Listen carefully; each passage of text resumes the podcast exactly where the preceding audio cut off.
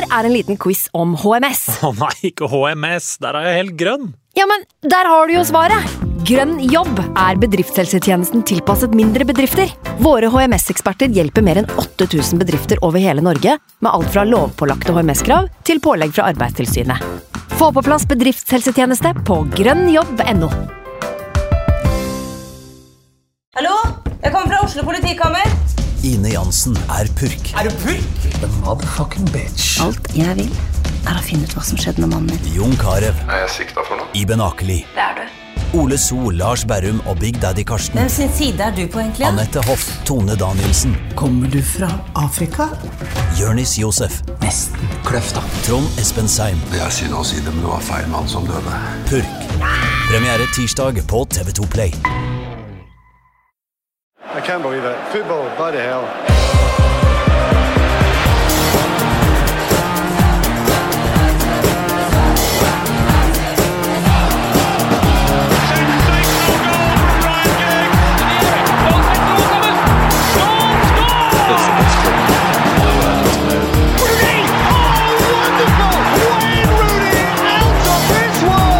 was when I was in Manchester. Sheringham.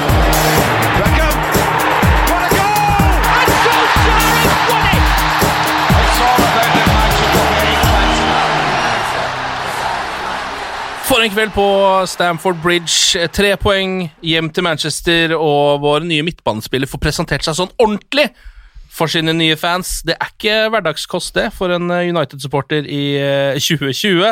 Andreas Hedemann, velkommen!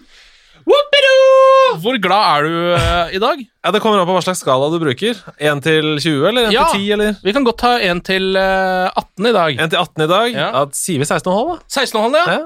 Hvor havner du hen da, eh, Eivind?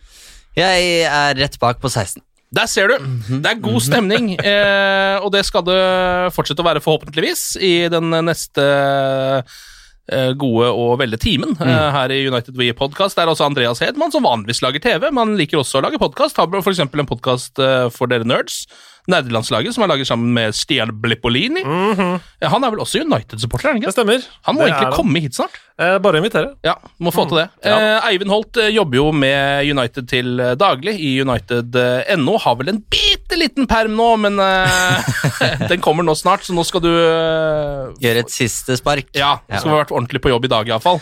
Ja, og da var det deilig at vi eh, endelig får den flyten da, som eh, Jøndal har snakka så mange ganger om i, Ja. i studio her. Liverpool har liksom toga videre og, og vunnet alle sine kamper på et eller annet vis, mens vi har følt at det motsatte har vært tilfellet for eh, for United, da, nå er det så mange ting som uh, slår Uniteds vei, føler jeg i hvert fall, da, den siste uka. Du har den Champions League-bonusen hvis det nå ender med at City ja.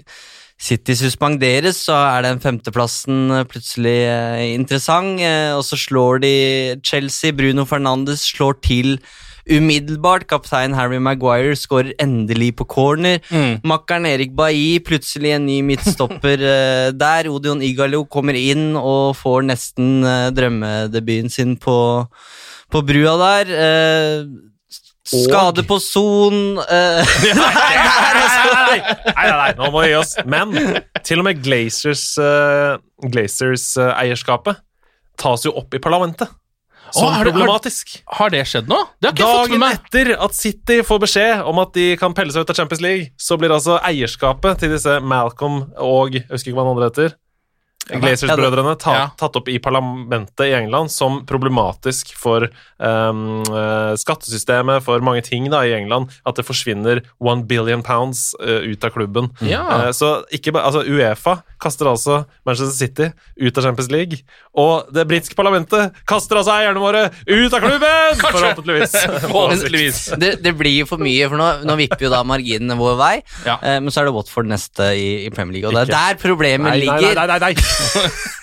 For det er, United har jo, hvis du, hvis du plukker ut noen resultater da, fra denne sesongen her eh, 8-1 mot Chelsea Oh, yes. eh, Ja. er eh, fasit etter tre matcher. Aldri skjedd før. Slått Nei. City på bortebane to ganger. eh, fått revansj mot Mourinho. Det her er jo sterke statements, da. Mm. Eh, så hvis man bare hadde plukka ut de resultatene og kikka på sesongen, så hadde man kanskje tenkt Ja, men dette her må jo, dette må jo se bra ut. Ja. Eh, men, Men det, er det jo- det vet vi jo, og at det ikke Det er, har ikke vært en dans på roser, akkurat, og det handler jo om, som alle veit, de kampene mot antatt svakere motstand, hvor de Mm. ikke klarer å, å få de resultatene som, som må på plass. Men nå har de fått en vinterferie, da, og det virker jo som at det har gjort, gjort dem godt. Uh, og Hvis det er ett lag som trengte den ferien, så var det kanskje Manchester United. altså.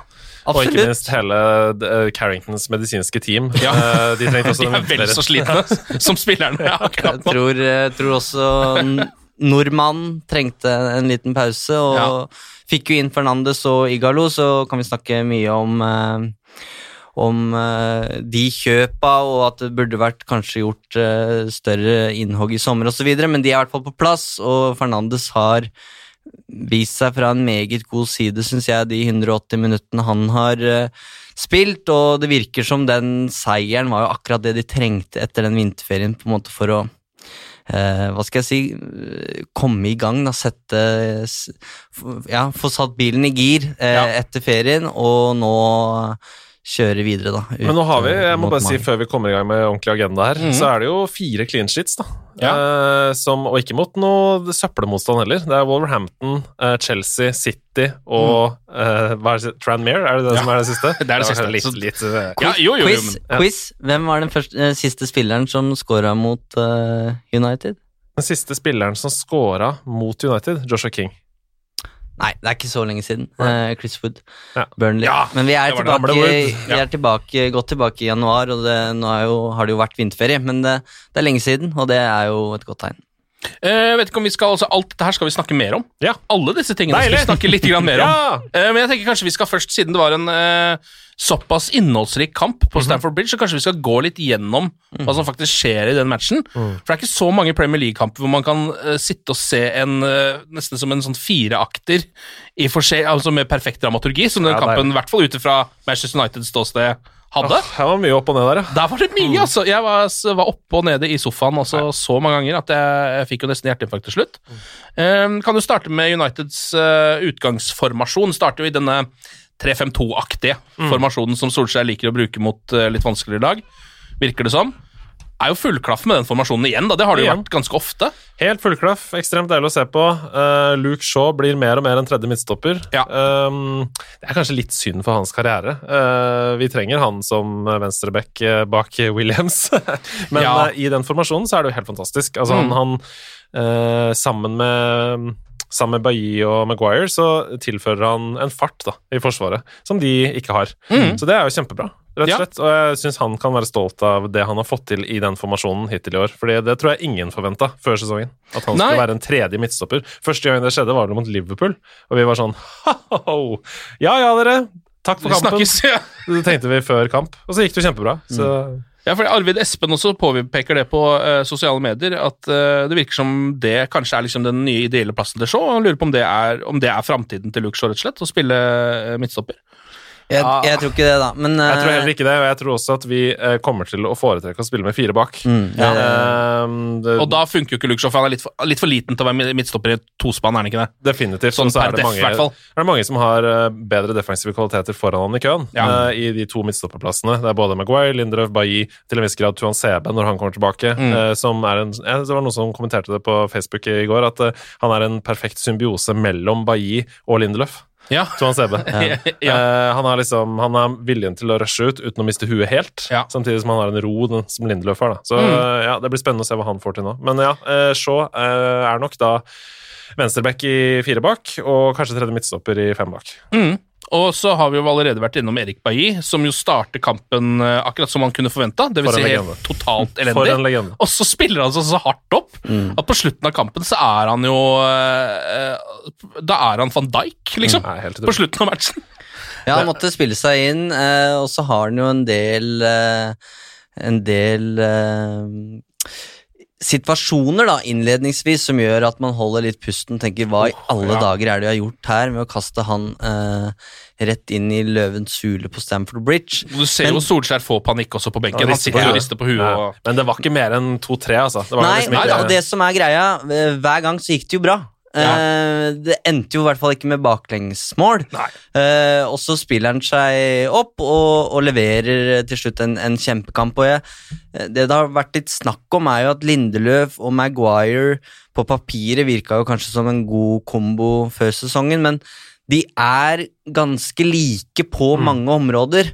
Eh, nå er nok uh, Maguire langt bedre enn uh, Lindeløf i, i lufta, blant annet, men Bailly skiller seg som tydelig da, fra den spillertypen. Han er den atletiske, duellsterke Vidic-typen, uh, som er kanskje først og fremst rask, eh, og kan eh, på en måte redde inn de, det bakrommet når, når det oppstår bak Maguire. Så jeg syns det fungerte veldig godt, og jeg har jo sagt tidligere her at jeg syns kritikken mot Lindeløf har vært overdreven, men han er jo pressa av Tuan Sebu, som du snakker om, eh, Andreas, og også nå av Bailly. Og egen helse, da, for det er jo bare hans eh, egen influensa som gjør at han ikke starter denne kampen. Veldig mye sjuk. Ja, han er det.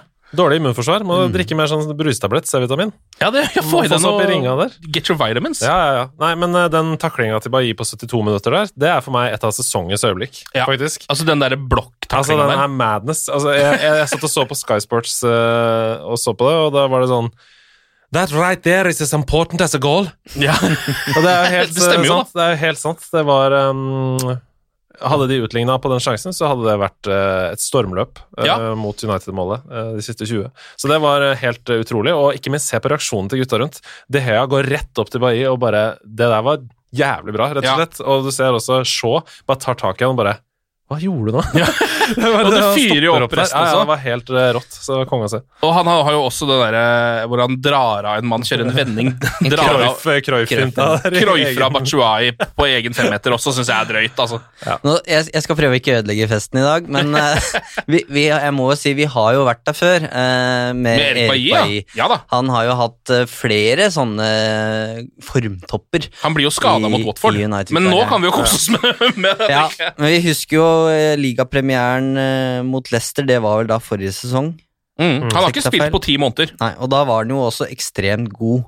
Uh, og han og Lindeløf sammen eh, på det tidspunktet, så Men uh, for all del, meget gledelig at han har lyktes så godt i comebacket, og ingenting ville vært bedre om det blir litt eh, konkurranse om Mm. stoppeplassen. Det er veldig bra, eh, den konkurransen som du snakker om der. Og så er det jo heller ingen tvil om at vi har en god fotballspiller under alle disse uh, tingene som Erik Bailly har å slite med.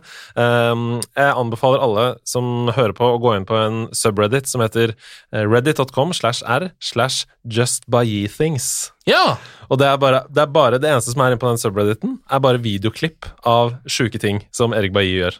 I kamper. Eh, I kamp og utenfor kamp. Ja. For eksempel hele den greia han hadde med Zlatan eh, fram og tilbake der. Alle de tingene de gjorde. At han Ja. sparka han i rumpa i garderoben og løp ut og sånn. Det er masse deilige eh, Erik Bailly-things. Eh, så gå inn på Just Bailly-things og se der. Eh, blant vi annet- legger ut en eh, lenke på Twitter òg, da. ja, Ja. blant annet en eh, treningskamp mot Leeds der, hvor han bare tar ned ballen helt silkemykt fra utspark fra andre siden. Han tar to lange skritt, og så bare ligger han død.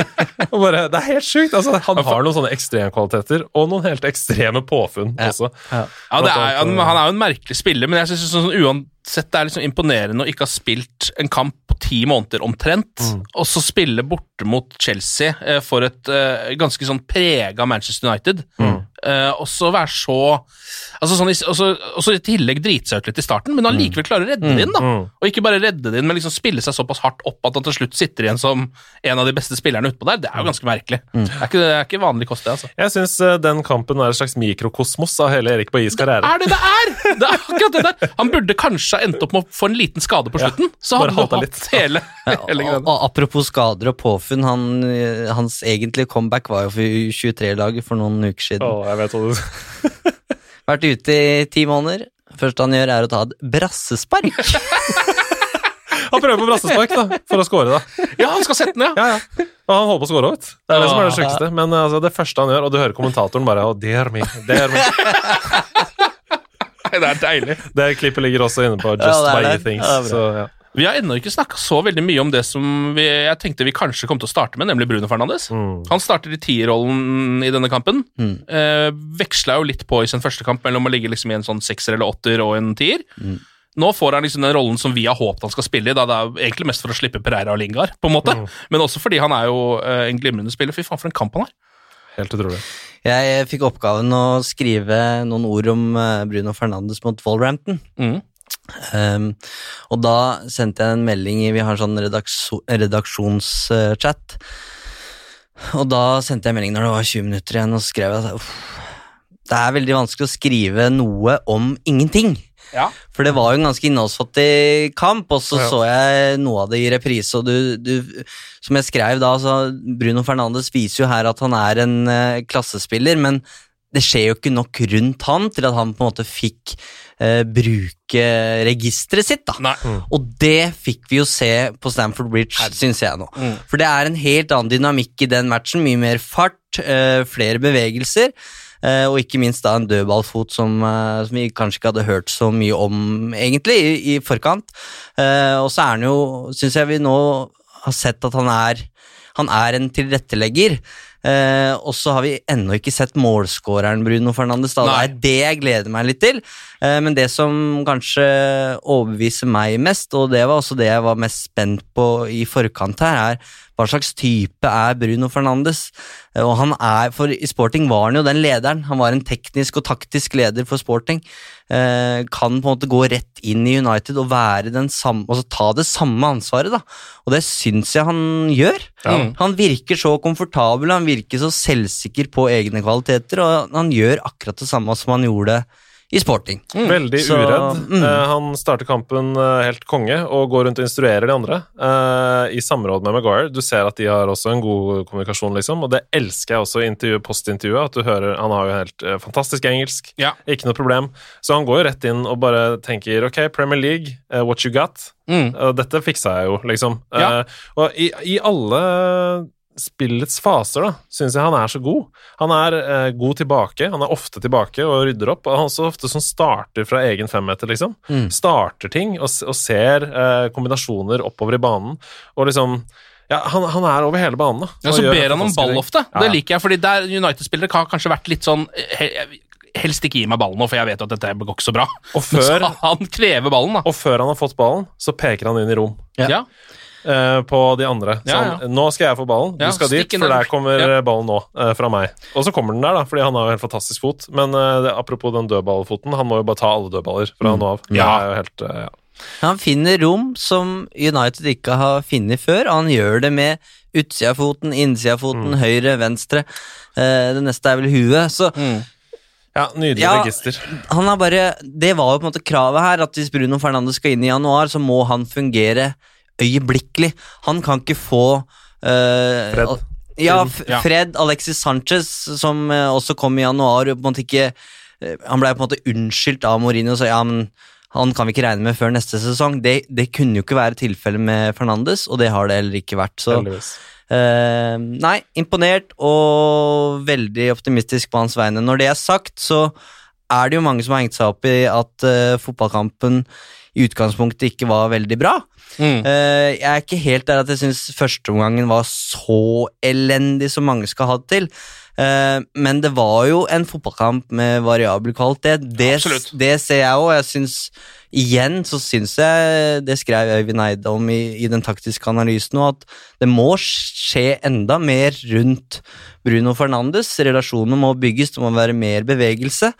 Um, men jeg syns jo ikke Chelsea var så mye bedre. Og jeg, dette her var, syns jeg var en fotballkamp mellom to ganske middels fotballag som faktisk virka litt rustne etter en vinterferie. ja. Og som i tillegg går ut altfor høyt. Altså Det er jo ganske høyt tempo i den kampen, men kvaliteten står ikke til tempo, ikke sant? Mm. Nei. så da blir det jo surrete. Masse feilpasninger Ja, ja, ja. Og, og feil gjennom hele kampen, men uh... Men der er det jo en som utpreger seg, det er jo nettopp Brune Fernandes. Ja da. For han har jo har knapt Han nok Han har vel én feilpasning, tror jeg, eller én feil i løpet av hele kampen, som jeg i hvert fall så med det blotte øyet uten å ha analysert noe. Altså, for en frelser, da, dere. Altså, jeg må bare si det. Vi, vi har sittet her så mye og snakka om eh, boksåpner og ba, ba, ba, ba, ba. Og han, det er jo det han er. Og det eneste Nå skal vi være glad for at Bruno Fernandes er Manchester United-spiller, men at vi ikke hentet han i sommer. Ja. Eh, vi- skal ikke klage, liksom. Vi skal ikke finne noe å klage over hele tiden, men det gjør fortsatt litt sånn vondt altså, for meg. Ja. At vi ikke bare tok den muligheten da. Eh, jeg calla, vi satt jo på Scotsman før mm. denne sesongen og snakka om årets overraskelse, og da calla jo jeg Bruno Fernandes som årets overraskelse Mm. i, United, og jeg står fortsatt for Ja, det. han ble jo på en måte det. Du calla faktisk Fred. Ja. Og det eh, har du kanskje truffet enda bedre Ja, med, ja. eh, kan vi si. Ja, Det er kanskje vanskeligere å treffe på på en eller annen måte, selv om Bruno var jo ikke i klubben engang. Så det er jo greit. Det Greit mer vi så at han kom til å dukke opp på et eller annet tidspunkt. Eh, Men jeg er helt enig i at, det det at uh, vi skal på en måte være litt sånn fornøyd med at han er her nå. De burde vært der før. Men det er også noe med den der Det er alltid vanskelig å vite med spillere som kommer fra sånn, kanskje spesielt sånn type Portugal. da. Mm. Hvor god er han egentlig, liksom? Og så uh, Dalot, for eksempel. Ja, og så gjenstår det jo fortsatt å se, men nå har han spilt mot to av de liksom sju beste lagene i eh, Premier League, da. Gjort det bra i begge de kampene. Vært blant banens beste spillere både mot Wolves, mot Chelsea. Få se om det, om det holder seg. Men jeg, jeg kan ikke helt se liksom svakhetene ved han ennå. Nei, Hvis han holder seg skadefri, så blir han helt uh, elementær. Og hvis Solskjær får beholde jobben, så blir han helt elementær i Solskjærs United de neste tre-fire sesongene. Mm. Uh, ja. Men det er avhengig av det, da. At uh, Solskjær får lov til å fortsette med denne planen. Eh, Jeg tror nok hvis det kommer inn en Pochettino eller en annen eh, manager ikke det gjør noe, altså. Så tror jeg ikke det gjør noe, men nå må vi bare snakke i nåtidens det, liksom, Ja. det vi vet nå. Hvis Solskjær får beholde jobben og han holder seg, holder seg skadefri, så kommer han til å være enormt viktig for Mm. Manchester United. Um, jeg altså var allerede ganske langt nede rett før pause på vegne av Antony Marcial. Mm. Eh, Det var vondt å se på, rett og slett, i 42 minutter. Eller noe sånt. Fordi han eh, Altså, for det første så står han veldig mye stille. Det har han det er det mange spisser som gjør. Til og med Erling Braut Haaland står noen ganger ganske stille. Mm. når han ikke gønner over hele banen som en elg. Eller Eh, skyter i krysset på første Eller skyter i krysset på første, første touch. Eh, men også det at du så at Antony Marcial mista ballen hver gang han hadde den også. Altså I ganske enkle situasjoner hvor du bare kan vende opp eller spille den fra deg, så mister han bare ball, står igjen med det kroppsspråket sitt. Og så kommer jo den derre uh, CR7-headinga hans, da.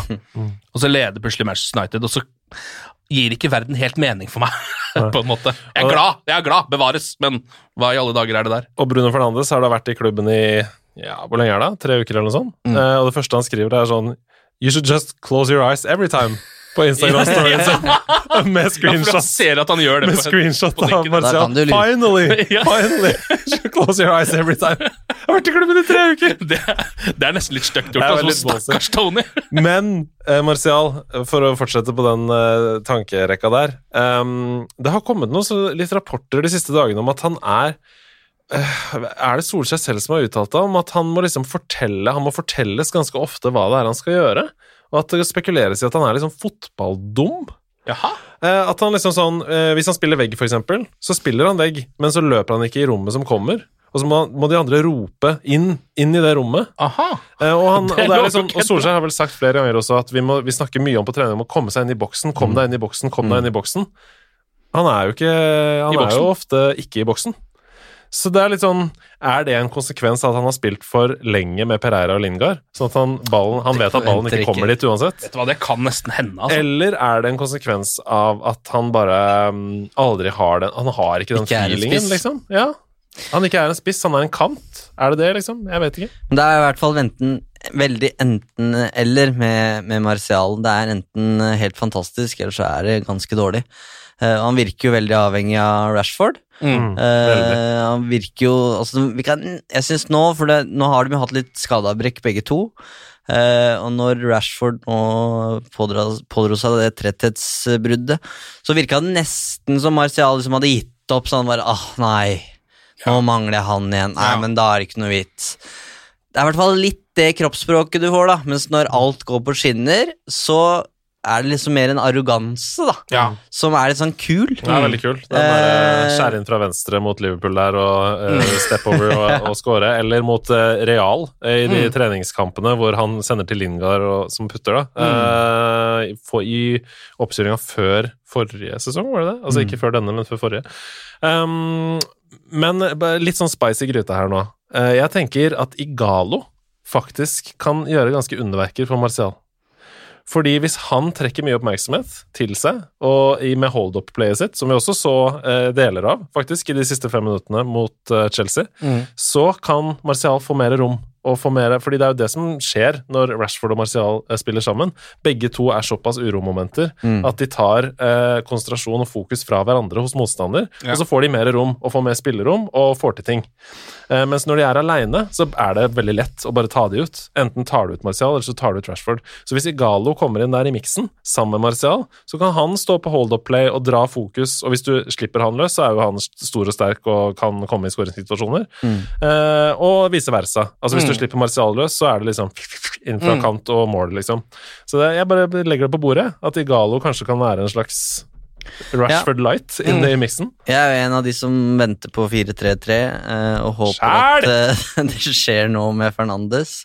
Um, og da er det jo tre plasser der foran, eh, og Igalo på topp med Martial og James? James på kantene, for eksempel, da. Det er jo en, det er jo en mulig løsning, men eh, jeg synes, vi har jo sett uh, to minutter av Igalo foreløpig, så det blir jo spennende å se eh, hvilken forfatning han egentlig Ja. er i, om han faktisk kan spille 90 minutter Uh, uke, Ja, det tror jeg ikke. uke, uke etter uke, fordi det, nå kommer det tett, da, med FA Cup og Europa League. Men jeg tror han kan bli veldig viktig i f.eks. Europaligaen. Uh, jeg tror han Ja. kan gjøre en. Fellaini-jobb eh, der, men vi kommer sikkert tilbake til Ligalo. Mm. Eh, jeg ville bare nevne det, at eh, det kan også være bra for Martial at han har kommet inn.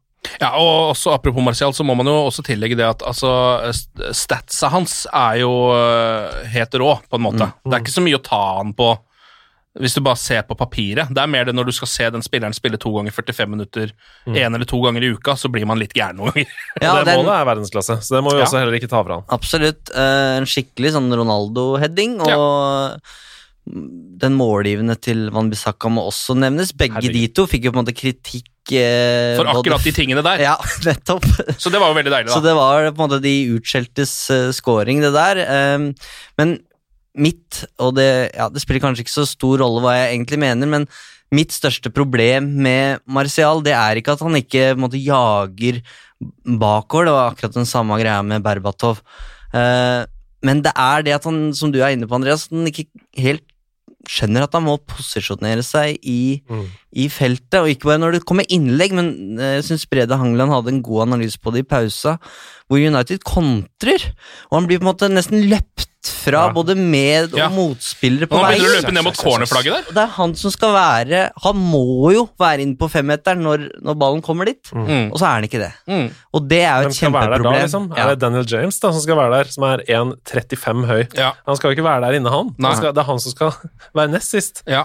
Og det er helt snodig, syns jeg, hvordan United sliter med den spissrollen siden uh, van Persie. Og ha- vi hadde akkurat de samme diskusjonene om Lukaku, Ja. som var høy og sterk og god i feltet, men han blei jo ikke brukt. Mm. Uh, og nå er det på en måte relasjonsproblemer med Martial og de andre. Så snodig. Kan jo også tillegge to ting om det målet. Det ene tingen er jo at uh, Martial gir jo, uten at det er med vilje, uh, Christensen en liten albue rett før den duellen. Som jeg tror gjør at han vinner den, ja, for det virker som Christensen suser i hodet litt der. Og blir også bytta ut rett etterpå. Så det er ikke liksom, og det er kanskje, altså, Ikke for å ta noe bort fra Antony Martial, men han er jo ikke Cristiano Ronaldo på hodet. Så liksom, jeg, jeg føler at det var altså, Hva? Det er en Hva grunn til at det der ikke skjer hele tiden, da. Tenk om vi får en sånn Rooney-rekke nå. Husker du da han scora sånn seks-sju mål på rad på huet? Ja, det var Ja, helt det konge. var Så til slutt så skulle han bare score med huet. Kanskje vi får det med Martial. Det var vel akkurat i den perioden hvor han hadde mista absolutt alt håret. Så da satt alt foran på hodet, tror jeg. Så begynte han å få tilbake hår, og da ble han dårligere på Ja, for det sklir av, vet du. Det sklir av, det er det som er greia. Ehm, ja, eh, vi kan jo eh, hoppe litt, eh, litt grann videre. Nå eh, er det jo, altså United går jo da til pause med 1-0, en voldsom boost. Og der og da, så merkelig nok, for jeg vet ikke hvor jeg henter den liksom Manchester United-selvtilliten fra, men der og da så føler jeg at vi kommer til å vinne den matchen. Mm. Men jeg, jeg, sa det, jeg sa det tidlig i matchen, at jeg syns det Chelsea-laget her skal United slå. De Mhm. hadde flere skader på Abraham og litt forskjellig, og når de da mister Canté i første omgang der, så syns jeg at på papiret så er det laget såpass begrensa at ja, skal man eh, ha som ambisjoner å spille i Champions League, så må du faktisk slå i hvert fall true det Chelsea-laget der. Ja. Og det, Jeg snakka også med vår gode venn Sebastian Brunestad om dette før eh, matchen. og det er liksom sånn, Når du ser på elveren der, da, så er det liksom, det er ingen som er veldig dårlig. Men det er ingen som er veldig gode heller. Nei. I den elveren. Det er bare sånn jevnt. Og så kanskje Kanté uh, er den som skiller seg ut som en verdensklassespiller.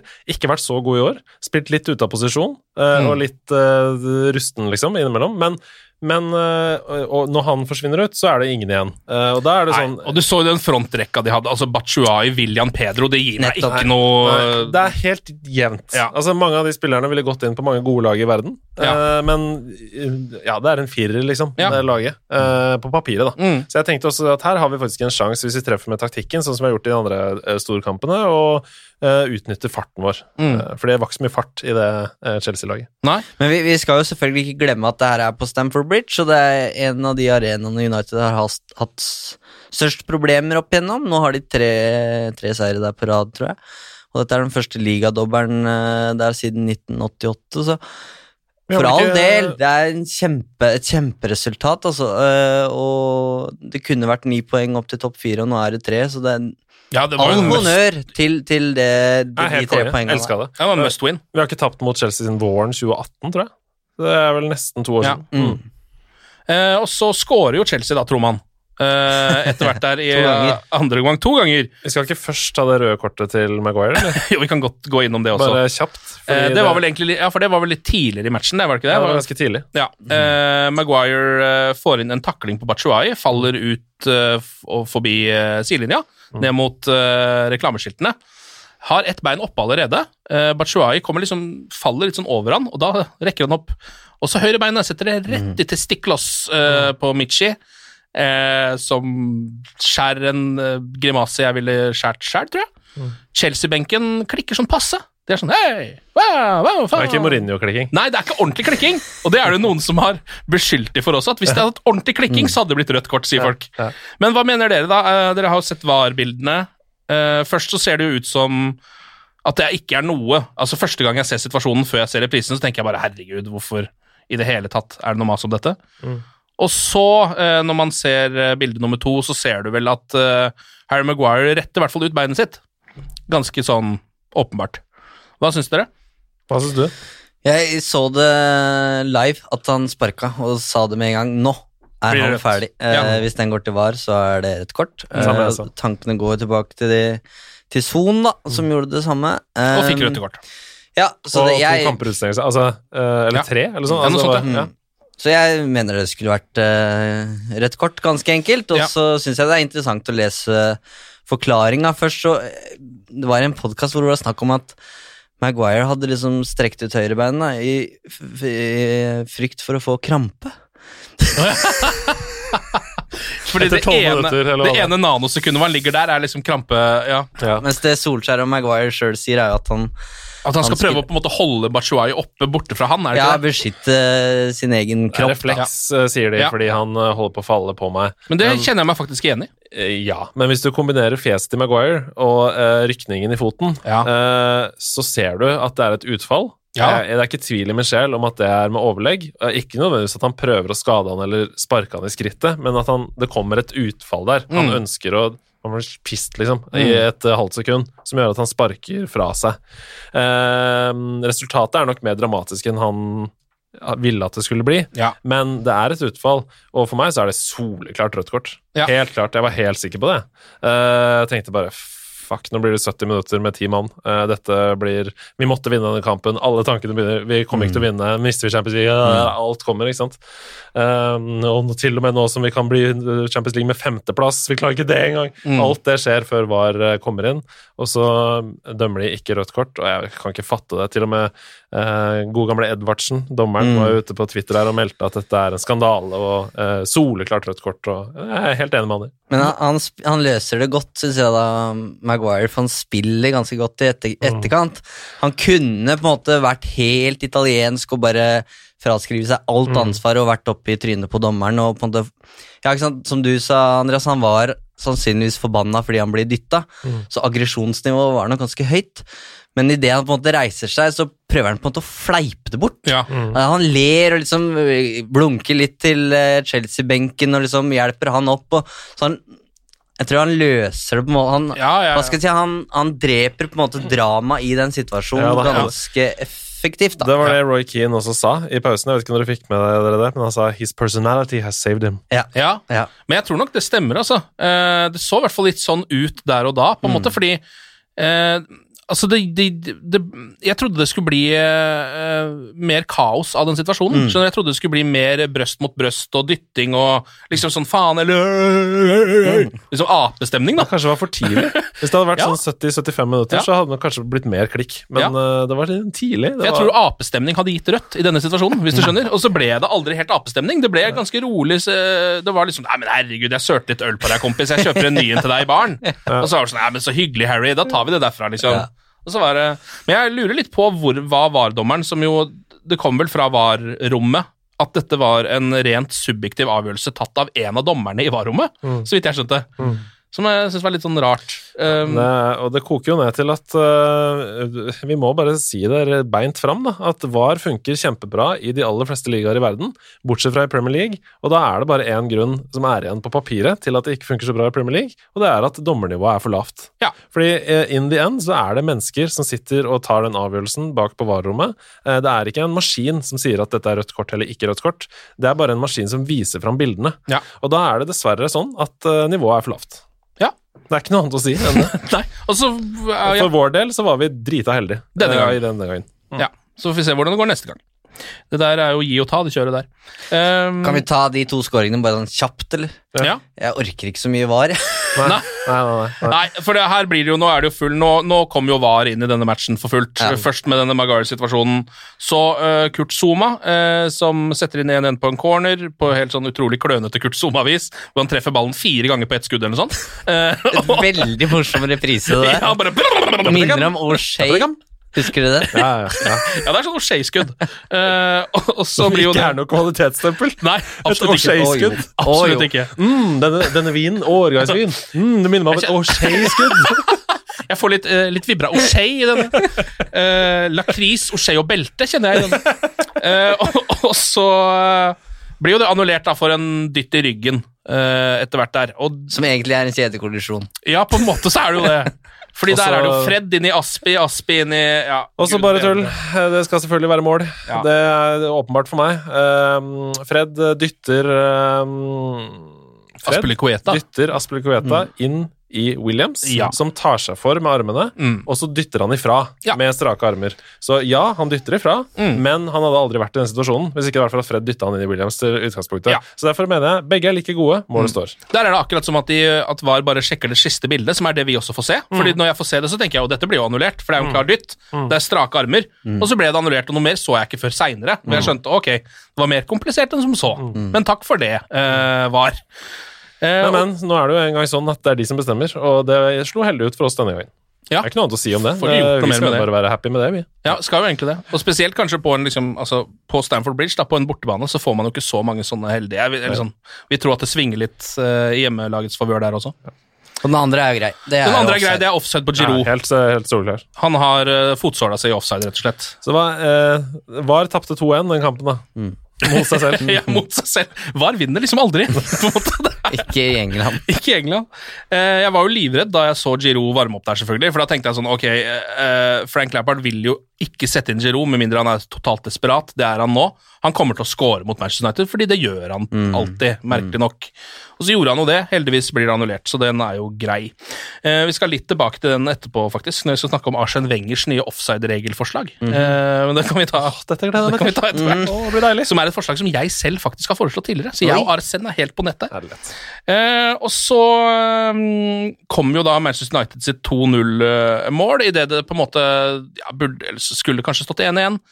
Fernandes eh, slår inn en perfekt corner til Maguire, som endelig fucking scorer på en corner Harry! foran uh, bortefansen. Maguire! Ah, det er så deilig øyeblikk, altså. Ja. Der vant jo United den kampen. Da var det liksom ikke noe tvil lenger, når den der går inn. Ja, helt nydelig. Og det er en sånn release der, og en sånn kapteinsreaksjon som er veldig deilig. Han, Ja. Først så feirer han jo selvfølgelig med resten av gjengen, og så bare bryter han seg fri fra eh, resten av gjengen og går aleine mot publikum Ja. og eh, hyller eh, fansen. Og tar til og med en high five Ja. med en fan der eh, som kommer opp på reklameskiltet. Så det var veldig sånn Vi er på lag, dere. Det er dere og meg, og jeg har ansvar for den klubben her. Sånn føltes det. Mm. Eh, og nå tok jeg ansvar. Ja. Sånn føles det. Ja, det var på en måte hans uh, første statement, syns jeg nesten, som uh, kaptein. Han hadde en litt sånn uheldig start når han glemmer det myntkastet og ikke skjønner hva som skjer. Men det her var liksom bare, ja, som du sier, Andreas, slår, liksom, slår seg på brystet og high five med supporteren på reklameskilt og sånn, så det er helt nydelig, og jeg kan nesten Jeg prøvde å huske liksom, når er det jeg sist så ikke en midtstopper score, men når jeg så en midtstopper liksom dunke en corner inn på huet på samme vis. Ja. Og liksom i alt, alt det røret her med ja, eller rør og rør, men Lindeløf, Bailly, Rojo, Blindt Når er det vi liksom sist så det? Jones mot Tranmere? Ja, men- ja. Har du glemt Jones sitt mål mot Tranmere? Pur klasse. La oss snakke Premier League, så Jo, men vi må sikkert Vi må nok en stund tilbake Ja, ja, hvis vi skal snakke i Premier League. Altså, Det I en viktig kamp, ikke- eller Det var jo heller ikke en smadring, akkurat den headinga. Nei. Det var, han kaster seg bakover på bakerste, og så dupper han over keeper. Så det var Ja. ikke en sånn smadring sånn som dette. Det var det ikke. De hadde vel en tre-fire mål nesten i eh, 2016-kampen mot Leicester på Mm. huet. Ja, det stemmer! Men jeg husker ikke om det var noen midtstoppere. Der, der var det redemption fra Ja. Vant tilbake der. Fire år siden. Fire år siden. ja. Uh, I mellomtida her så har jo også Brune Fernandes eh, slått en eh, sy, et sylfrekt frispark i stanga, Mm. som Mason Mount kopierer på slutten av kampen, Mm. eh, og gjør akkurat det samme. Bortsett fra denne gangen så faller også De Hea inn i nettet og blir skada i noen sekunder. jeg jeg. Men jeg tror også han bare spiller. Ja. Fordi det Jeg er kjempelurt. Routine. Ja, det tror jeg det er, ja. Og det er veldig veldig lurt også, Mm. fordi der går liksom tida, tida dev, eller kampen dauer ut, den idet han ligger og roter inni ved nettet der. Ja, ja, Han har ikke noe vondt i skulderen på overtid når han løper bort til fansen og klapper med armene over hodet. og koser seg, så det er noe, jeg tror ikke det var så ille. Nei. Uh, I tillegg kan vi jo legge, legge til at uh, Odion Igalo får sin United-debut i ja, ca. 90. minutt. Mm. Kommer han inn, får jo ganske umiddelbart en feit sjanse, hvor han er helt alene med keeper, Tenk om han hadde putta det. Og tupper den rett på kneet til keeperen. eller noe sånt. Og Og det hadde nesten vært for mye, tenker jeg, fordi det er sånn, vi, vi kan godt spare den liksom goodwillen fra himmelen til litt, en seinere kamp, på en måte. Men tenk så deilig det må være for Manchester United og Solskjær, og ikke minst Igalo sjøl, hvis det her hvis de får den flying starten da, nå mot uh, Brugge eller mot uh, Watford, og han på en måte kommer i gang og er på plussida fra starten, og på en måte at det viser seg å bli en solskinnshistorie, da. Ja. Altså, eh, bare, bare å følge han hele den matchdayen der var jo helt fantastisk. Han er liksom først ut av spillebussen. Han går aleine inn på Stamford Bridge og står alene ute på gresset og bare tar inn at han er Manchester United-spiller Nesten så han spør mot lagkameraten om aut autograf. Han står der og bare Du ser at han bare Han elsker hvert sekund Mm. av å spille for Manchester United. Han har ikke spilt ennå. Han elsker fortsatt hvert sekund. og det er bare sånn um, De som sier sånn 'Å, det var helt uh, krise at vi henta han', og sånn, de, de vet ikke hva de snakker om. Det må jeg bare, med all respekt til alle dere som hører på, som sier det. Alle lag trenger en Drogba. Eller en Fellaini, om du vil, da. Eller bare en spiss. En spiss. altså en United kropp, trengte bare en liksom. spiss, faktisk. Og Igalo, eh, ja, han, er, han har hatt sett sine beste dager sannsynligvis, men han kan utvilsomt tilføre oss noe vi trenger. Det så man jo bare på de siste fem minuttene som jeg snakka om. Hold up play. Det er en meget nødvendig og stor styrke i alle lag, og et Mm. alternativt våpen for oss. Eh, Igalo skal ikke være en um, førsteelverspiller for Manchester United, men han skal være en avlastning. Og akkurat nå så har vi jo ingen avlastning. Vi har Nei. Mason Greenwood. Ja. Det er den eneste spissen vi har. Ja, og så tror jeg det han bidrar, og allerede har bidratt med, er en sånn, hva skal jeg si da, Eh, psykologisk boost da. Definitivt. Fordi, som du sier, han, han stråler jo bare, og det må jo smitte.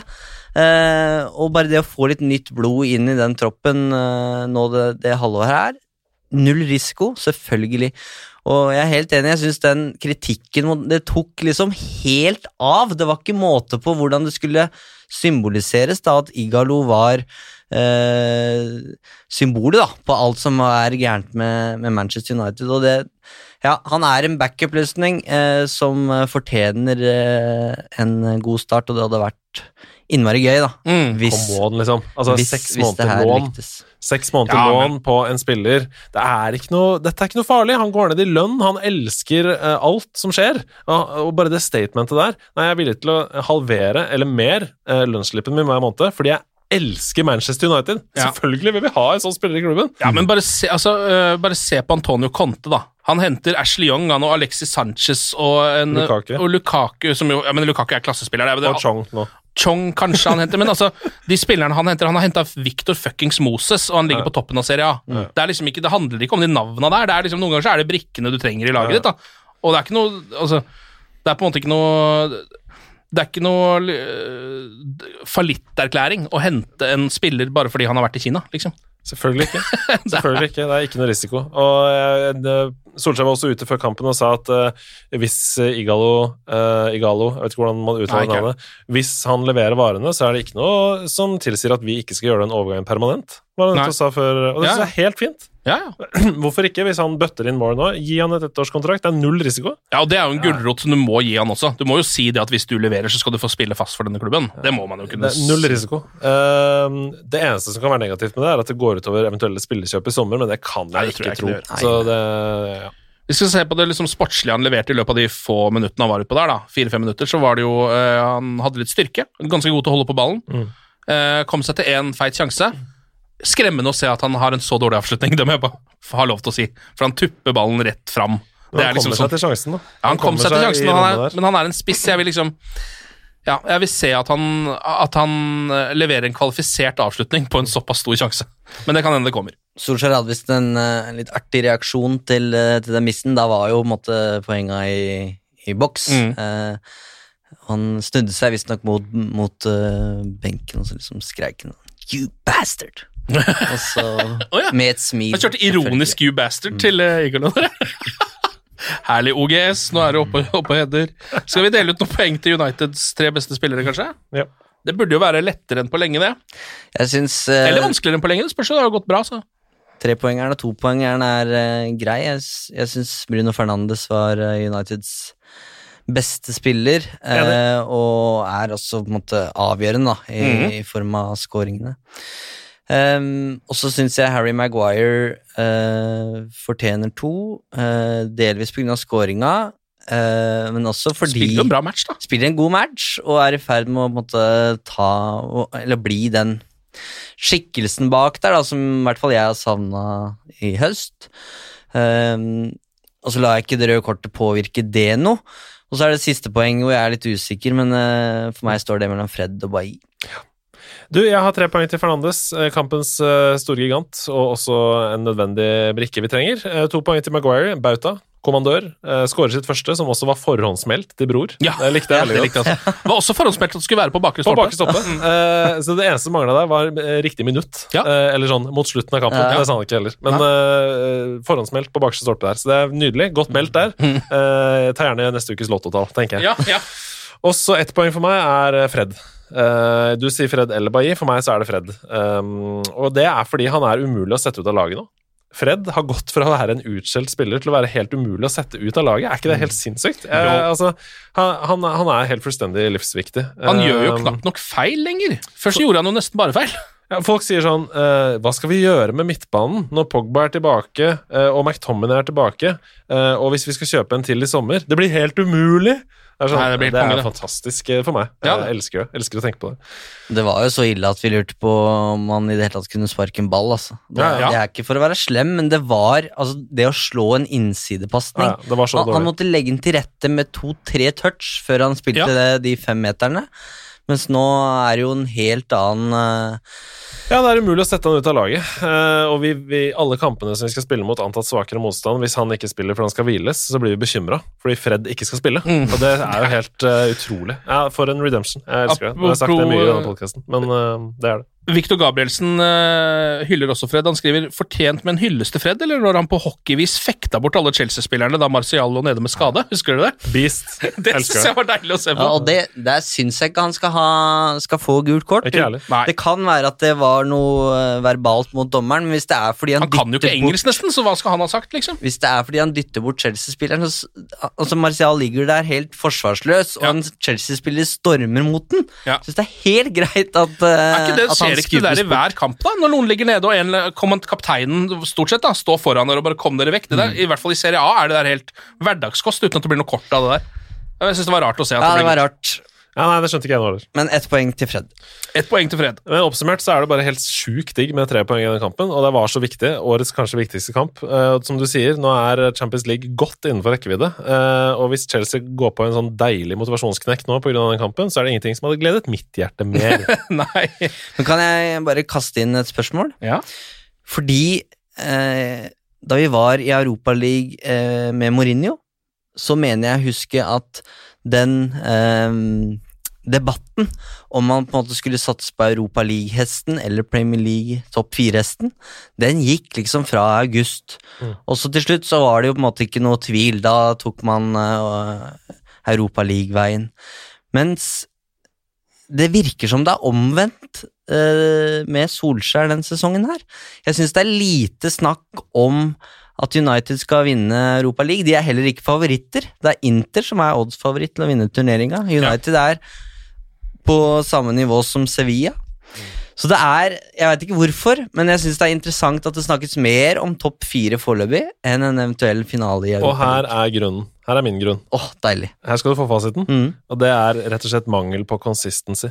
Er det noe man trenger i en cup, så er det consistency. Du må levere i alle kampene, for ellers så ryker du ut. Ja. Uh, hvis du ikke Det er bare én kamp å gjøre det på, Uh, noen ganger to, Uh, men da ryker du ut.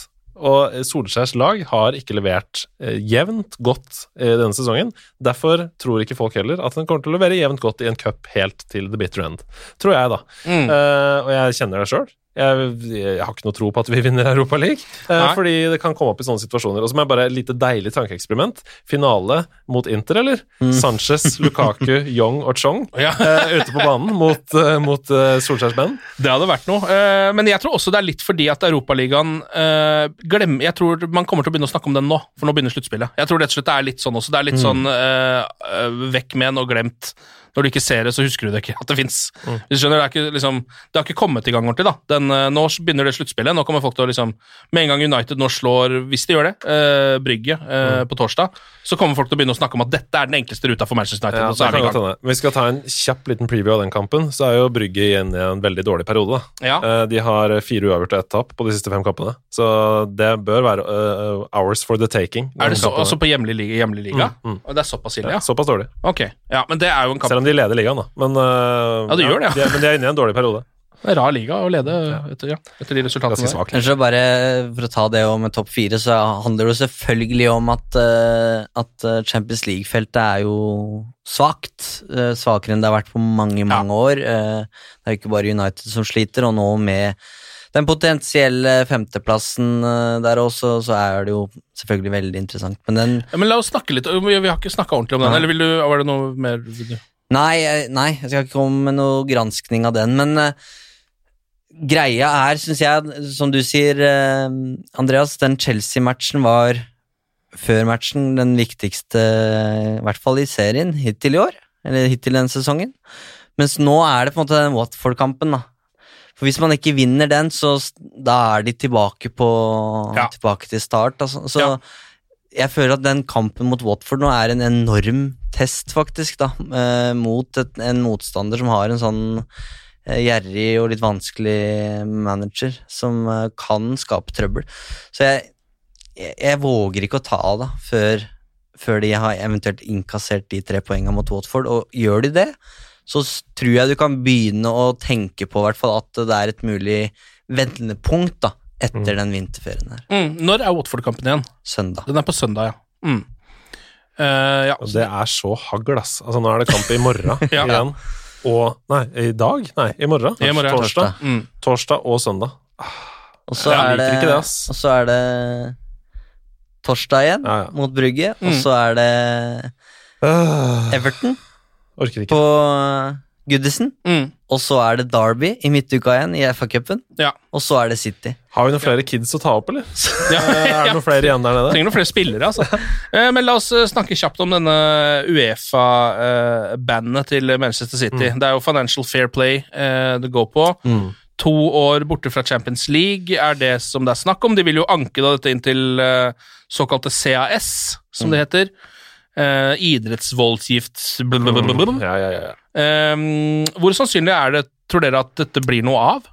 Jeg Bare kjapt så må jeg bare si at uh, dette er jo helt på sin plass, og det er også på overtid. Og det er ikke, ja. Det, er ikke det eneste laget i Europa som skal utestenges. Vi har flere andre eksempler. Men uh, det som er greia med denne saken, er at jeg har fått med meg at det er mange som bare har akseptert eh, avgjørelsen, men ikke helt vet hva som er grunnen.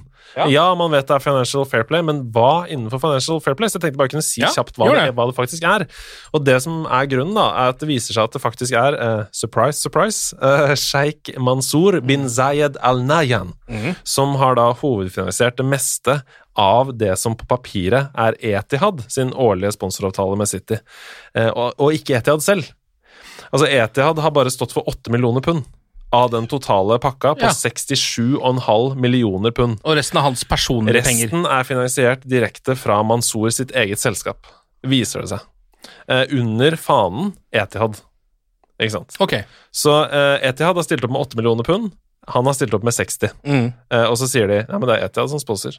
Ja. Det er jo ikke ja, ok, så det er det at han er sponsa av e at de er sponsa av en enkelt sjeik, som ikke går helt igjennom. Ja, som ikke får noe igjen for sponsoret sitt, da. Ja. For han har bare De, gitt de har jo på en måte boosta sine egne inntekter for å kunne handle Nettopp. Gjøre det de vil på overgangsmarkedet for at det skal gå i, i balanse. Og Det er jo hele Um, poenget med Financial Fair Play, at man ikke skal ha muligheten til økonomisk dope. Ja. Fordi denne Sheikh Mansour eh, har jo ikke, får jo ikke noen sponsor igjen. Altså, han gjør jo ingenting, han bare gir klubben 60 millioner pund. Ja. Eh, bruk det som dere vil. Mm. Og det er det de prøver, prøver å unngå. Mm. Så må det jo også sies at hele dette Financial Fair Play-greiene er jo også noe man kan diskutere i evigheter, fordi det funker ikke, liksom. Uh, altså, når eller nå, nå, nå får vi se om de begynner å faktisk opprettholde disse reglene, for det er jo noe de først begynner med nå, på en måte, med City som eksempel. De prøvde Milan seg på måtte også ut. ja, de prøvde seg på Eh, PSG for noen år siden. mm. Da sendte bare PSG inn åtte advokater. Uefa hadde én eller noe sånt. Fuck off. Mm. PSG bare kom ut uten en eneste bot. Men Milan måtte trekke seg fra Champions League og gi opp plassen sin. Men det var visst også Jeg hørte noen podkaster om det, og som, fra folk som virkelig kan det. Mm. Eh, og med Milan så var det visstnok litt sånn at uh, de sa du, uh, den straffen den kan vi godt ta nå. Det passer seg egentlig ganske fint, uh, oh, ja. sånn som vi har det nå. De og både City og PSG fikk jo en slags straff for noen år siden, men det var jo som en sånn smekk på handa og, og regne. Ja. Mens det her kom jo litt mer som, som lyn fra klar himmel, da. Men forskjellen er at de har jo på en måte ikke Det handler jo ikke om at de har brukt mer enn de har lov til, men de har forsøkt å på en måte lure Mm. Uefa, eller Ja. lure systemet. Og og det vært, eh, eh, har blitt slått ned på, da. og vært lite samarbeidsvilje i granskingen. Mm. Ja. Ikke kommet med dokumenter, holdt tilbake informasjon. Mm. eh, som jo man slår selvfølgelig hardt ned på. Hvis de hadde vært kjempesamarbeidsvillige og åpna alle dørene, så hadde nok man i hvert fall eh, hatt en litt blidere innstilling. Men Mm. det er, du vet jo hvordan det er. Hvis du ljuger til læreren, så får du dobbel straff. Mm. Eh, Hvis du bare innrømmer hva det er som har skjedd, så ja, du får straff, Mm. men da er det sympatisk, ikke sant? Og det som er interessant nå, er jo synes jeg, tidsaspektet her. da. Når er det den anken skal behandles i KAS? Kommer jo til å treneres. Eh. Ja da. og eh, mye tyder jo på, syns jeg, at det her drar ut, og at den Champions League-plassen neste sesong i hvert fall er er, er ledig. da. Ja. Um, ellers så syns jeg også det er litt trist, da, som United-supporter, at man En sånn Champions League-straff da, mot byrivalen, det handler først og fremst om at vi kan få en gratisbillett inn i Champions League, mens eh, hva skal jeg si, eh, konsekvensene det kan få da, for City. Si at de mister Guardiola, at han, eh, som jo har som et uttalt mål å vinne Champions League, det er det han egentlig ser for seg at det er det neste steget med, med City. Det får han nå ikke muligheten til, så han forsvinner. Så mister du De Bruyne, og så kan du Ja. miste Laporte, og så kan du miste kommer ikke jeg, det jeg er nesten helt 100% sikker på at det ikke skjer. Nei, Det er bare derfor jeg tror vi ikke snakker om det det, kan, det kan få de konsekvensene, Ja. men for Manchester United så spiller det ikke veldig stor rolle, fordi de er ikke på De samme hylle. ikke. Nei, det er Liverpool og, og, og City, så det, Ryktene går jo nå eh, heftig om at både De Bruyne og Stirling forsvinner i sommer allerede, hvis denne straffen opprettholdes, eh, og at det er en del av kontrakten deres. Eh, At ved ikke Champions League-spill så kan de selges på billigsalg. Ja, det er det helt sikkert. Um, og det er ganske hardt for klubben. Da tror jeg ikke det er noen vei tilbake, for å være helt ærlig. Når det er sagt, så er det han ekle, skitne styreformannen i Manchester City som var ute og sa trust me, altså til spillergruppa Trust me like I trust you. This will be dropped. This Ja. will get dropped. Ja. This case. Det spyr jeg jo i munnen av. Ja, ja, ja. Uh, av Men hva det- han kan men- si når dommen har falt, på en måte. Uh, men ok. Sånn men det er vel, ja, men ikke sant, det er jo fordi altså, uh, City er jo rikere enn Uefa, på en måte. Uh, altså de kommer, Hvis dette her går til en, eh, en ankesak som kan gå helt opp til liksom Uh, Som kan sendes helt til Bern, holdt jeg på å si. Nei, eller Zürich, ja, eller hva faen. Altså, Kass er jo ikke en rett, da. Det er jo ikke en rettssak, det er egentlig bare et panel. Ja. Så det behandles der, og så er det ferdig, sånn som jeg forstår Nei, nei, det. nei, det kan ankes videre. Du, men du kan anke det videre til rettssystemet. Ja. Men det er noe helt annet, og der kan det jo på en måte bli værende i ei lang, jo, men lang, selv lang i mølle. kass, selv om det ikke er et rettssystem per se, så er det advokater der. Altså Det er penger uansett som skal brukes på eh, forsvar og, og beviser og bla, bla, bla her. De som har mest penger i sånne saker, vinner nesten alle sånne saker. Ja, vi- Sånn er det jo bare. Det er jo det som er Det blir veldig idiotisk. spennende å se, i hvert fall, men det er tidsaspektet som nesten jeg syns er mest spennende i første omgang. i hvert fall. Ja da. Ja, jeg er enig. Mm. Jeg tør i hvert fall, eller sånn, jeg bare tenker sånn Fra mitt eget ståsted så tør ikke jeg eh, Jeg tør ikke å se på dette som noe som helst sånn problem for Manchester City i framtiden, for det tror jeg faktisk ikke det er, kommer til å bli. Nei, vi må, vi må tenke at hvis vi skal komme til Champions League, så må vi vinne Europaligaen eller bli topp fire. Det er det vi må tenke. Vi Ja. kan ikke tenke at vi må bli topp fem, og at det er greit, og nå skal vi juble med kake i hånda. Men uh, City har mista sin Nei, uh, Tottenham har mista sin siste spiss. Eh, nå er det bare Erik Lamela igjen som skal ut og levere varer for, oh, for Spurs. Ja. Eh, Chelsea ser ikke noe bra ut. Eh, Arsenal er fortsatt Arsenal. Holder på ned. Eh, det er kanskje å ta i, men eh, det, Men altså, Sheffield United ser sterke ut. men fjerdeplassen er ours for the taking, syns jeg nå. Ja, Den burde være det, ja. Burde være mulig. Um, om det blir Liverpool, City, Sheffield United, Manchester United, Det er så kan det godt hende det blir det. Eh, Kommer an på hvordan Sander Berge leverer. gidder vi å snakke om Raiola og Solskjær? Nei. Uh, Nei, vi må ta noen ord om ja. Journalisten ah, i meg. Klarer ikke å la det ligge. Jeg som hadde lovet å aldri prate med han igjen. Du får prate med han, du, da. Jeg syns uh, Jeg er enig med Gary Neville, uh, som mener at nå er begeret fullt, og jeg syns at nå har Raiola overspilt hånda si. Nå tror jeg han har uh, gjort seg sjøl en bjørnetjeneste. Um, gidder ikke å gjenta hva han har sagt, men han reagerer jo da på at Solskjær um, visstnok sier at Manchester United eier Paul Pogba og trekker jo eh, paralleller til fengsel, da. I, Nei, det er vel slavehandel han egentlig ja, trekker. slavehandel Ja, og fengsel. Så det, det er jo voldsomme påstander, eh, og så ser jeg at han nå har rygga litt og sier han skal gå i dialog med Solskjær fordi det her er ikke, ingen stor greie. Men eh, han har fått nå Han har hatt så mange utspill mot den klubben, eh, og det å sitte og høre på måten han på en måte prøver å lure seg unna, eh, er ganske fascinerende. Jeg tror det er det som er hele, har vært hele relasjonen og hele forholdet eh, ja, mellom Pogba, Raiola og, og Manchester United, og det har ikke vært du, du skjønner at kommunikasjonen her er ikke spesielt god, da. Ehm, så det her, jeg syns det bare Jeg synes det bare var dråpen. Eh, og så kommer det som skjer i sommer, det kommer til å skje. Paul Pogba kommer til å forlate Manchester United, og Ja. da er vi ferdig med det. Men jeg syns jo det er vanvittig trist at det er det her Paul Pogba kommer til å huskes for. Ikke for det store talentet han var uh, da han var i klubben som tenåring, ikke for de gode øyeblikkene han hadde i United-trøya, selv om det ikke har vært så, så mange. Det har bare blitt en trist og tragisk greie som er et sirkus Mm. som alle andre bare ler av, Mm. og det er, det er så synd. Ja. Ja, det er det. Jeg husker den gåsehuden jeg hadde da han gikk ut mot Southampton der. Jeg dro et par overstegsfinter, en lita Cruyff-vending og en 40-meterspasning rett på kassa til Wayne Rooney, eller hva fankeren det var. Men det er eh, ikke til å komme fra at Paul Pogba eh, er og blir en parentes i Manchester Uniteds historie. eh, og aldri kommer til å bli noe mer. Og jeg tror dessverre, etter denne operasjonen, at uh, verdensmesterskapstittelen med Frankrike blir hans høydepunkt i karrieren. Ja, men det er jo altså, nå, Du kommer ikke noe høyere enn det. Så det tror jeg ikke er dessverre, da. Jeg skjønner at han kanskje håper at han de siste fem årene også vil bringe noe, på en måte, men jeg hadde i hvert fall tatt det, på en måte. En sånn operasjon som han har vært gjennom nå, det kan prege hvem som helst. Ja. Så, ja. Vi får håpe det ikke blir så ille, for jeg, jeg ønsker jo absolutt Paul Pogba alt godt, men jeg tror vi må belage oss på at han eh, spiller nok ikke for Manchester United neste sesong. Nå har vi heldigvis fått inn en som har noen av de kvalitetene som vi håpte han hadde, nemlig Brune Fernandes, så vi ser se åssen det går. Jeg har også skrevet her at eh, det, det gjør det enklere å svelge Pogba ut i Absolutt. sommer. Det at Mm. eh, Fernandes ser ut til å levere, men det er ikke nok. Vi må ha mer dekning enn det. Ja. Eh, For eksempel Saul Niguez. Oh, fra- han er god. Ja, McTee er tilbake i trening, da. Det er jo bra. Deilig. Scotty, jeg vet ikke hvor lenge det er til han kommer til å eventuelt spille. Det så jeg ikke noen prognoser på, men han driver og løper rundt på Carrington og prøver, prøver seg litt. Ja, det blir knallhardt for eh, gutten. Han sa jo det sjøl, at uh, jeg må bare lære meg å løpe igjen, liksom. Altså, det, er, uh, det er nok en vei tilbake der, da. Mm. Ja, så vi kan, kan nok ikke forvente å se han liksom i startoppstillinga til United med det første, men øh, nå driver han i hvert fall og prøver seg.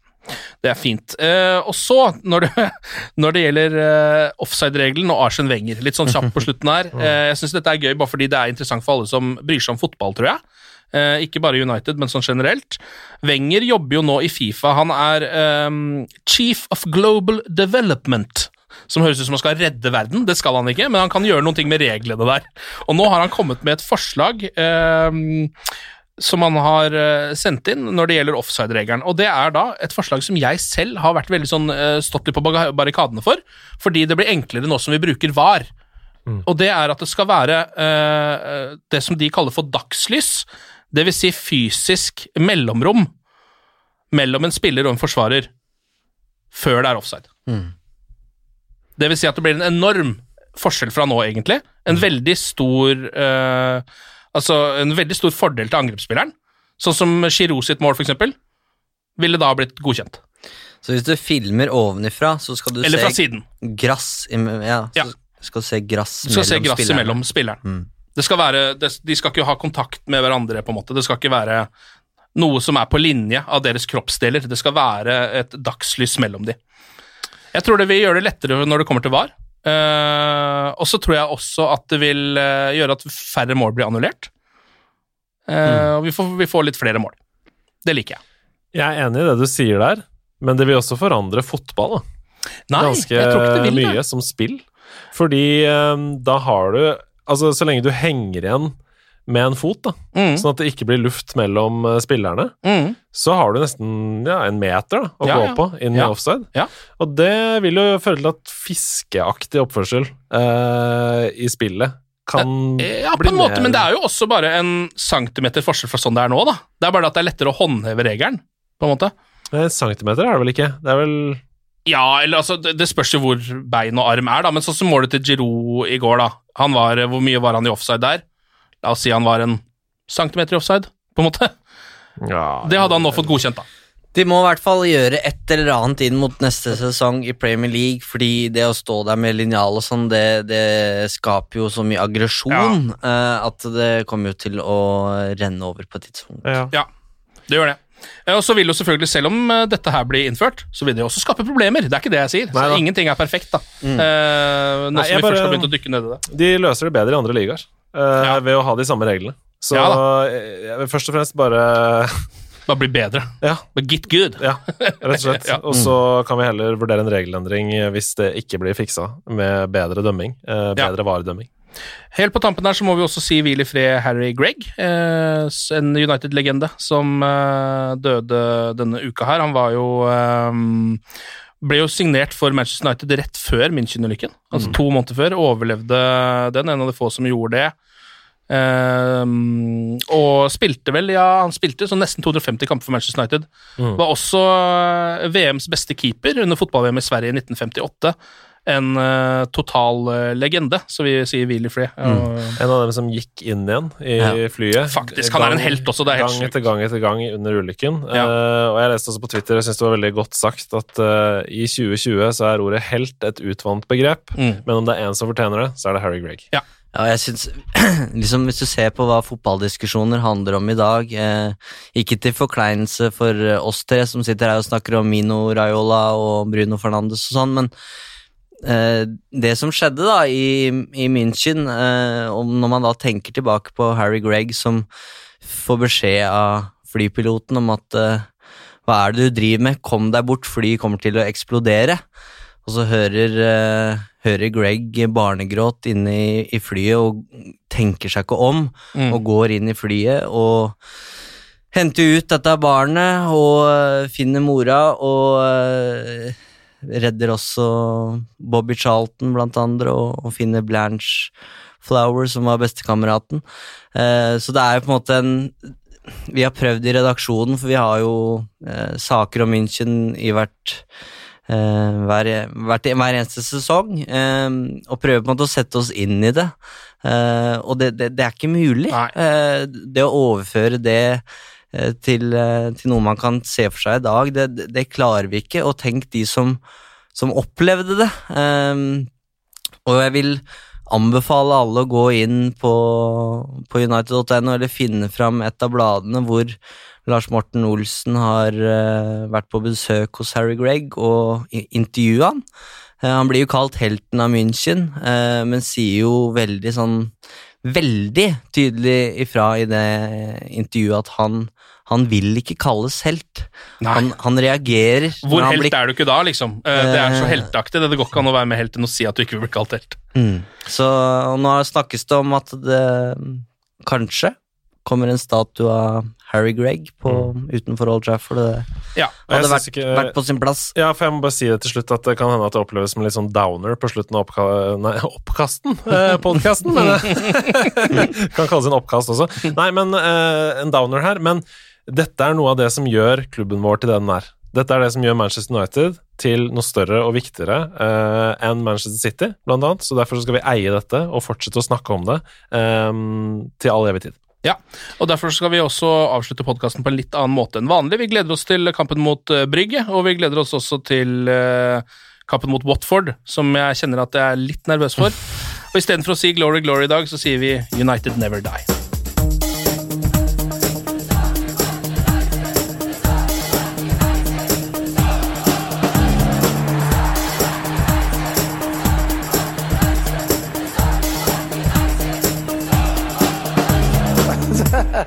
oh, it's true. I've seen many things. Moderne media. Ukens annonsør det er matkasseleverandøren Hello Fresh. Der kan du velge mellom 25 ulike oppskrifter hver uke, eller få Hello Fresh til å sette sammen en meny for deg.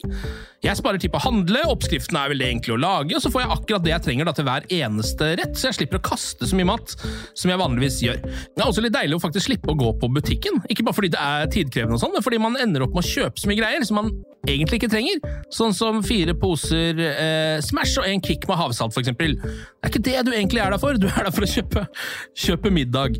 Så det er en veldig eh, kjekk ting. I tillegg så er det jo eh, ferdigporsjonerte ingredienser, det blir mindre matsvinn, og du betaler bare for det du faktisk trenger, og det du faktisk da spiser. I tillegg så blir det da levert på døra til et eh, fastsatt tidspunkt, sånn at du kan få det akkurat når det passer for deg eh, sjæl.